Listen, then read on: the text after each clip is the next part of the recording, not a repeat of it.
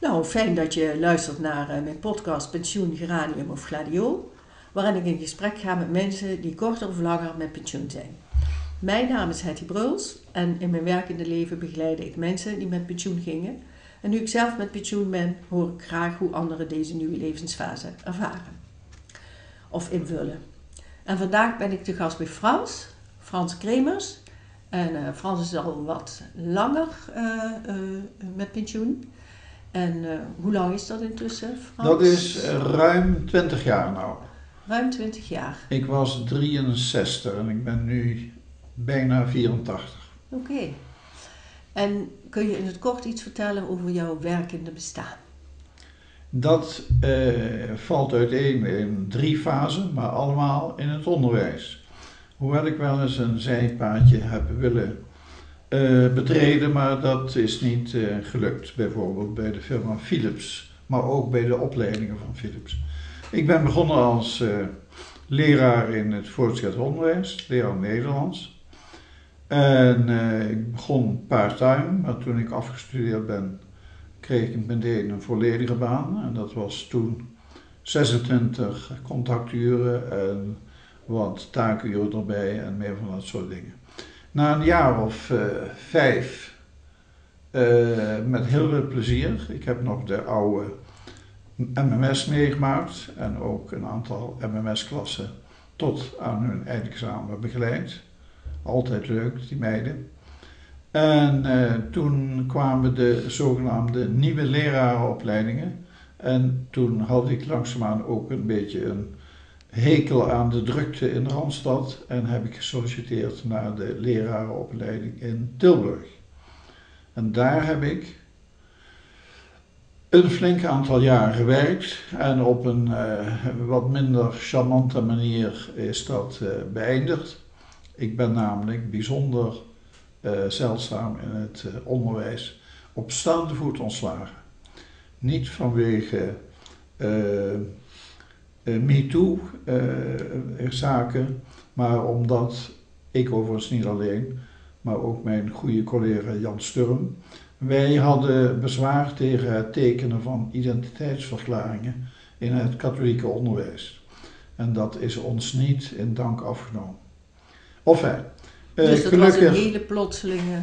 Nou nee, dat voelden we wel aan. Oh, Ze wilden ons liever kwijt dan rijk. En toen we een keer een grap uithaalden, hebben ze ons uh, ontslagen.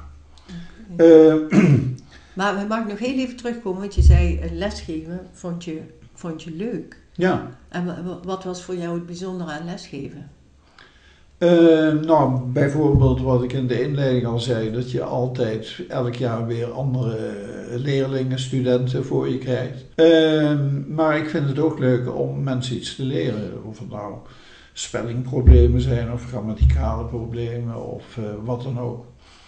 Dat kinderen zijn eigenlijk, denk ik, ik weet trouwens nu van mijn kleinkinderen, althans de kleinkinderen van mijn vriendin die is nu op de eerste klas van het Ignatius in Amsterdam. En die wisselt Latijnse stamtijden met mij uit. Dat vind ik heel leuk. En hij is ook eager om te leren. Dus uh, dat moeten we vooral erin houden en dat moeten we. Ja, dus echt aan mensen iets leren, dat, ja. dat, dat was een, een, een En in mijn tweede baan kon ik dus dat dubbelop doen, want dan leid je mensen in het onderwijs op. Die ook weer. Die ook weer datzelfde werk gaan doen. Ja. Sommigen met heel veel succes, anderen met uh, minder succes, dat wel. Ja. Maar goed, ontslagen bij de Stichting Katholieke Leraar. Uh, gelukkig begon in 1980 de letterenfaculteit uh, van de Tilburgse Universiteit. En ik geloof dat ik daar zelfs voor gevraagd ben, maar ik heb ook wel gesolliciteerd natuurlijk. En het aardige van die baan, dus dan gingen we taalvaardigheid Nederlands geven. In eerste instantie aan studenten letteren. Maar er kwam na enige tijd uh, ook bij uh, een taalvaardigheid aan zogenaamde andere faculteiten. Dus ik heb ook gewerkt met economiestudenten, met juristen, zelfs met uh, afgestudeerde juristen die dan nog met een promotie bezig waren en toch een mooie tekst wilden schrijven. Heel dankbaar werk. Schriftelijke taalvaardigheid, mondelingen, In die afstuderen, die, die promotie mensen is natuurlijk eh, het eh, schriftelijke taalvaardigheid. Oké, en je zei dat is dankbaar werk. En wat, wat was het dankbare daaraan? Nou ja, dat je A, in de eerste plaats eh, kleine groepen hebt. In de leraaropleiding hadden we toch wel eh, meer dan 25 studenten in een groep. En hoewel we daar ook wel hoorcolleges voor een paar honderd gaven, althans ik was daar sterk voorstander van. Maar op de letterenfaculteit eh, waren de groepen heel erg klein, nooit groter dan 20. Dat is natuurlijk buitengewoon eh, luxe werk. Ehm, wij, ik geloof dat ik, wow, hoeveel contacturen zal ik gehad hebben? Iets van eh 15 of 20. En dan kun je heel erg goed voorbereiden. En het mooie van zo'n beginnende faculteit is dat de overheid daar eh, heel veel geld in steekt. Dus wij hadden een overdaad aan eh, docenten. Er waren vier hoogleraren en wat eh, onderpersoneel, waar ik mezelf toe reken. En eh, dus die groepen waren klein en er waren nog maar weinig studenten natuurlijk, eerste jaar. De, de, na vijf jaar is dat pas volgebouwd. En was het dan ook dat je bijdroeg aan de ontwikkeling van het curriculum? Of Ja, natuurlijk, wij moesten onze eigen curriculum wel maken. En ik gaf ook keuzevakken vanuit mijn opleiding. Dus ik heb een vak eh, historische linguïstiek gedaan, samen met een collega Engels. Hij deed dat dan vanuit de anglistiek en ik vanuit de Nederlandistiek. En dat was een heel dankbaar college, eh, zelfs zo dankbaar en bekend dat collega, eh, de Turkse collega die bij ons Turks gaf, die eh, kwam dat college ook volgen. Dus moesten we het extra goed voorbereiden voor eh, Rick Boeschoten. Trouwens ook een man, ik weet niet of dat eh, in jouw podcast past, nou dan, ver- vergelijkbaar met mijn opleiding. Hij had natuurkunde gestudeerd, Rick Boeschoten, wel afgestudeerd. Net zoals zijn vader, die bij het CERN heeft gewerkt. En toen zei hij, ach ja, natuurkunde, ik ga nog maar even Turks studeren. En daar is hij hoogleraar geworden. oké. Hij is intussen ook gepensioneerd. Oké, dus je had net verteld van de drie fases in, eh, in, je, in je werkende periode en aan de, aan de eh, ho- ho- Hogeschool Tilburg. En, eh, dat Was de heet tegenwoordig, dat De heette universiteit. toen al de Katholieke Universiteit Brabant. Oh ja, de En later is dat eh, Tilburgse, hebben ze dat katholiek eh, weggehaald. En toen is het eh, Universiteit van Tilburg, UWT geworden. En nu is het natuurlijk, dankzij de Engelse mode, Tilburg University. Ja, en dat was je laatste baan. Dat was mijn laatste baan je- vanaf eh, 1980 tot Ja. 2000 zoveel. Oké, en toen je ongeveer 63 was, Ja. toen ben je daarmee gestopt. Juist. En, en hoe, hoe eh, eh, ja, nu ben je zo ongeveer al 20 jaar eh, niet, meer betaald werken, laten we dan zo zeggen. Ja. Maar is er nog wel eens iets waar je naar terug verlangt? Nou, ik heb altijd in alle drie die, die banen mijn beste vrienden uit collega's gehaald. Of gekregen, moet je dat natuurlijk zeggen. Die van de, het voortgezet onderwijs heb ik natuurlijk wel uit het oog verloren intussen. Eh, maar ik heb nog steeds een, een, een gezelligheidsgroepje van de leraaropleiding. Bestaande uit oud-collega's, maar ook oud-studenten. Gaan we één keer in het jaar of een paar keer per jaar gaan we ergens eten of zo.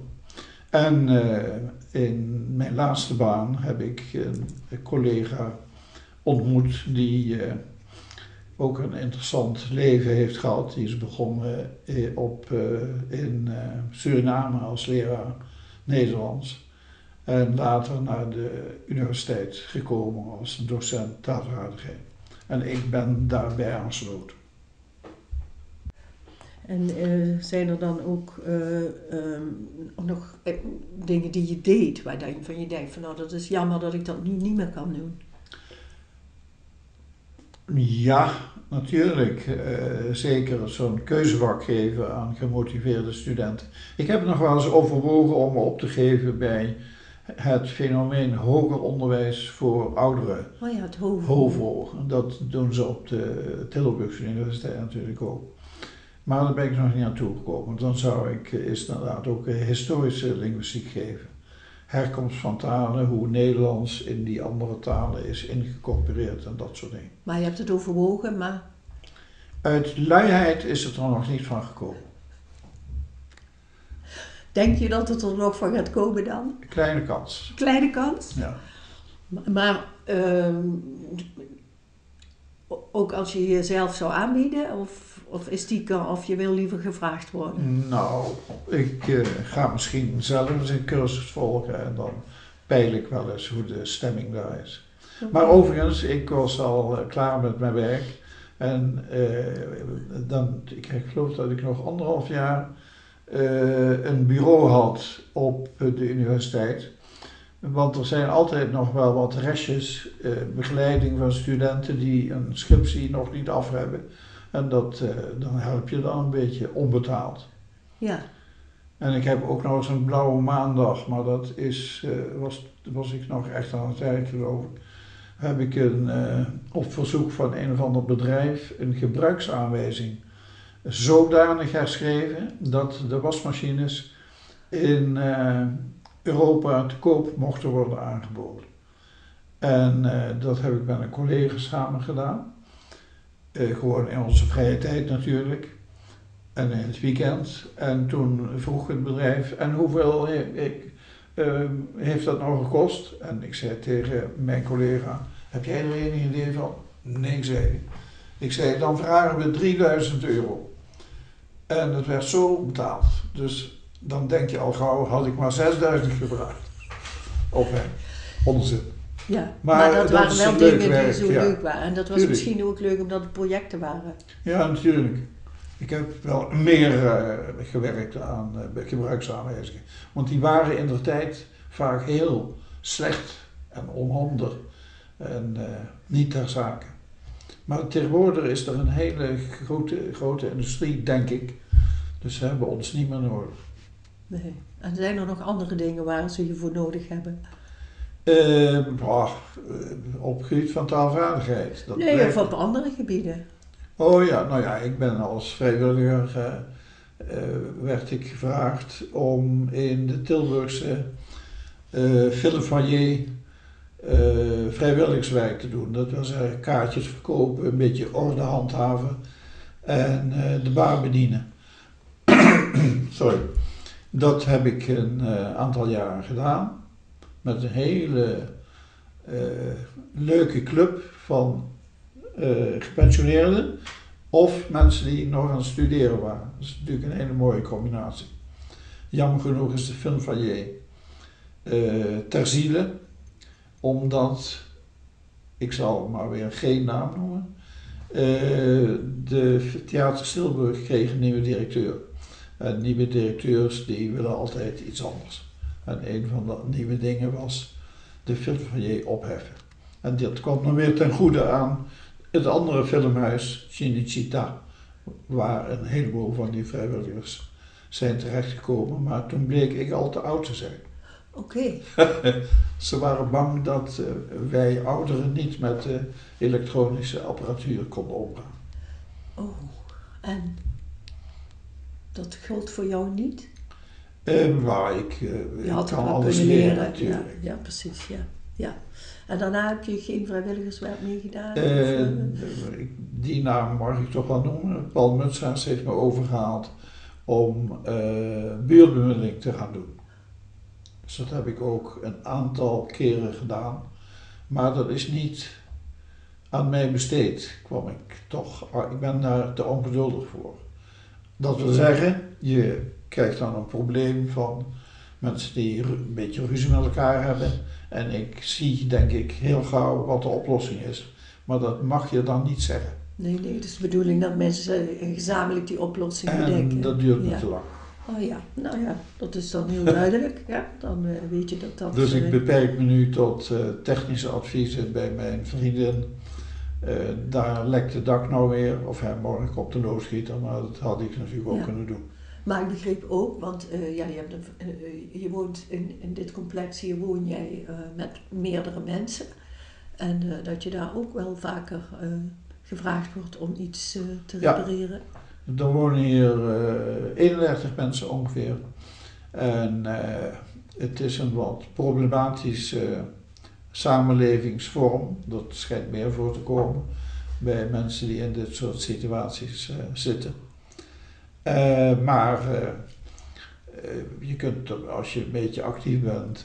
ik heb bijvoorbeeld ervoor gezorgd dat we één keer in de maand samen gaan koken. Onder leiding van een, overigens ook gepensioneerde bankbediende die graag kookt. En die geeft wat adviezen en dat is heel gezellig meestal. En eh, ik heb een eh bridgeclubje hier opgericht. Voorlopig vier bridges, net genoeg natuurlijk. En eh, dat doen we ook één keer in de week, dat is allemaal heel gezellig. Ja, en ik begrijp ook dat je eh super handig bent. Ik dus dat mensen jou ook voor allerlei eh, ehm, klusjes vragen van lekkende kraanleertjes tot... eh, eh, flikkerende ganglampen waar de elektricien van zegt, eh, d- d- daar kan ik niet voor helpen. En dan zeggen ze tegen mij, jij weet toch alles van elektriciteit? Ik zeg, nou ja, drie fase generator en dat gaat wel. Dus dat kan ik wel repareren. ja, Maar ik heb ook alweer gemerkt dat als je op een ladder staat en boven je hoofd moet werken, dan gaan de jaren tellen. Dan ga je na een paar minuten trillen en eh, moet je steun zoeken. Terwijl ik dat vroeger nou ja, heel makkelijk deed. ja. Vind je dat lastig, dat soort eh confrontaties? Nou, het is eh, denk ik onvermijdelijk. Ik mag niet klagen. Er zijn heel veel mensen die 80 zijn en helemaal niks meer kunnen. Of eh, achter hier in huis ook, achter een rollator lopen. En ik heb met mijn kinderen al afgesproken, als ik daar aan toe ben, dan kom ik in aanmerking voor euthanasie. Mijn kinderen eh, sputteren dan natuurlijk wel een beetje tegen. Ja, Maar eh, ik ben al vanaf mijn vijftigste geloof ik lid van de Vereniging voor Vrijwillige Euthanasie. Goeie, goed initiatief. Wat vind je daarvan? nou, ik denk dat dat eh, heel goed is om daarover na te denken, eh, hoe je dat zou willen. Ik denk ook dat op het moment dat je nog heel fit en gezond bent, dat je dan da daar een meer tegenop ziet. En ik kan me ook voorstellen dat eh, naarmate je meer ja, in de situatie komt, dat je het ook meer accepteert zoals het is. Dus Maar in een rolstoel zitten, twee van mijn huisgenoten hier, eh, de beroemde, oh, ja, die mag ik wel noemen, Maurice Moernek woont hier. En die zit al meer dan tien jaar in een rolstoel, maar die eh, de- de- rijdt nog zingend door de gang. Dus dat kan toch ook. Maar ja, ze valt ook wel eens uit haar bed. En dan moeten er mensen weer helpen. Ja, ja. Nou ja, dat kan hier dan wel. Want ben je hier bewust gaan wonen, eh, omdat als je ouder werd, dat je dan wat meer eh, mensen in je omgeving hebt? Of? Nee, ik ben hier gewoon wonen omdat ik graag eh, mensen om me heen heb. En ik heb een tijd lang alleen gewoond. En dan zoek je toch ook altijd weer in het weekend bijvoorbeeld vrienden op of een min of meer vaste vrienden. Ik heb één korte tijd bij haar in huis gewoond. Maar eh, daar we in onderling overleg eh, hebben we deze vorm die officieel lat heet, geloof ik. Eh, die, hebben we, die heb ik. eh, Kijk, als ik hier ben, dan kan ik, wa- wat ik, kan ik op de grond gooien. En bij haar natuurlijk niet. Bovendien is Mieke zo actief, die ruimt alles op wat ze tegenkomt. Dus ik was ook, herhaalde ik van alles kwijt. Behalve in de garage, want daar staat mijn auto of stond mijn auto. En eh, was ik vaak aan het klungelen. En, eh, Want dat zijn die oldtimers waar je aan... Ja, eh, ja, ja. ja. Maar ook als een tafel van haar kapot is, dan repareer ik die ook. Ja, ik hoor, en wat ik hoor is dat voor jou, zowel toen je werkte als nu, zijn mensen in ieder geval belangrijk. Ja. En iets voor mensen doen, Zeker. maar ook eh, de vriendschap. En, eh, want eh, ja, je hebt eh, net in het vorige gesprekje eh gekscherend genoemd. Voor mij is er geen verschil tussen toen ik werkte en, en nu. En waar zit hem dat dan eigenlijk in? Nou ja, dat ik betaald werk wel interessant vind om te kunnen leven, maar dat er meer dingen op de wereld zijn. Bijvoorbeeld technische dingen, onderhouden, zorgen dat je, je fiets eh, op orde is of je, of je huis. En dat heb ik in mijn leven ook altijd gedaan. Ehm, toen ik mijn eerste auto kreeg, had ik geen geld, dus dan moet je zelf wel aan de gang. En overigens, bij mijn laatste baan, dat is misschien wel aardig om te vertellen. De, toen had men eh, voor de letterfaculteit anderhalve formatieplaats voor een eh, docent Nederlands. En ik zei voor het gemak tegen de dienstdoende secretaris: Ik vind alles best tussen een hele en een halve baan. En eh, er kwam een tweede kandidaat, en dat is me- mevrouw uit Wageningen. En die wilde niet meer dan een halve baan. Dus ik kreeg een hele baan. Eh, totdat bleek, dan waren we dus echt nog in de beginfase van die, eh, van die eh, faculteit. Eh, de mevrouw uit Wageningen zei: Ik doe het niet. Eh, Dus toen kwam er een volgende kandidaat en die zat met een hoge hypotheekschuld uit Nijmegen. En die zei, ik wil een hele baan. Dus de secretaris zei, ja Frans, we waren toen al op tutoieerbasis. Eh, jij hebt het gezegd, dus je krijgt nu een halve baan. Dus ik ben begonnen met wacht, 2,5 of 3 dagen in de week. Dat is later wel iets uitgebouwd. Maar eh, mijn kinderen waren toen al allebei afgestudeerd. Dus ik had genoeg aan eh, drie of vier dagen werken. Maar je vertelt dit omdat je zegt dat je naast je werk dus tijd genoeg had om andere Ja, precies. dingen te doen. Ja. En eventueel zo'n eh, gebruiksaanwijzing voor een of ander bedrijf te schrijven. Ja. Of mijn eigen auto te repareren. Of mijn zoon te helpen bij zijn huis in Amersfoort. Ja, maar je, je doet ook iets met muziek. Eh, ik heb eh, eh, toen ik ophield met leraaropleiding, dus dat ergens in 1970 of zo denk ik, 75. Toen ehm, eh, werd ik dus ontslagen, de stichting katholiek leraar. En dan heb je even helemaal niks te doen. Dus toen ben ik muziekles gaan nemen. En daar heb ik ook een hele, in, hele goede vriendschap aan overgehouden met eh, mijn cello-leraar. En speel je nu nog muziek? Ik speel nu al een jaar, staat hij daar te niksen of eh, als kapstok te dienen. Ik had een clubje eh, amateurmuzici, dat waren ook allemaal vrienden. En op een of andere manier is dat uit elkaar gevallen. En eh, ik heb ook in een aantal, of ja, ik heb ook eh, in het studentenorkest gespeeld. Want in Tilburg was in de tijd was de enige universiteit in Nederland die geen studentenorkest had.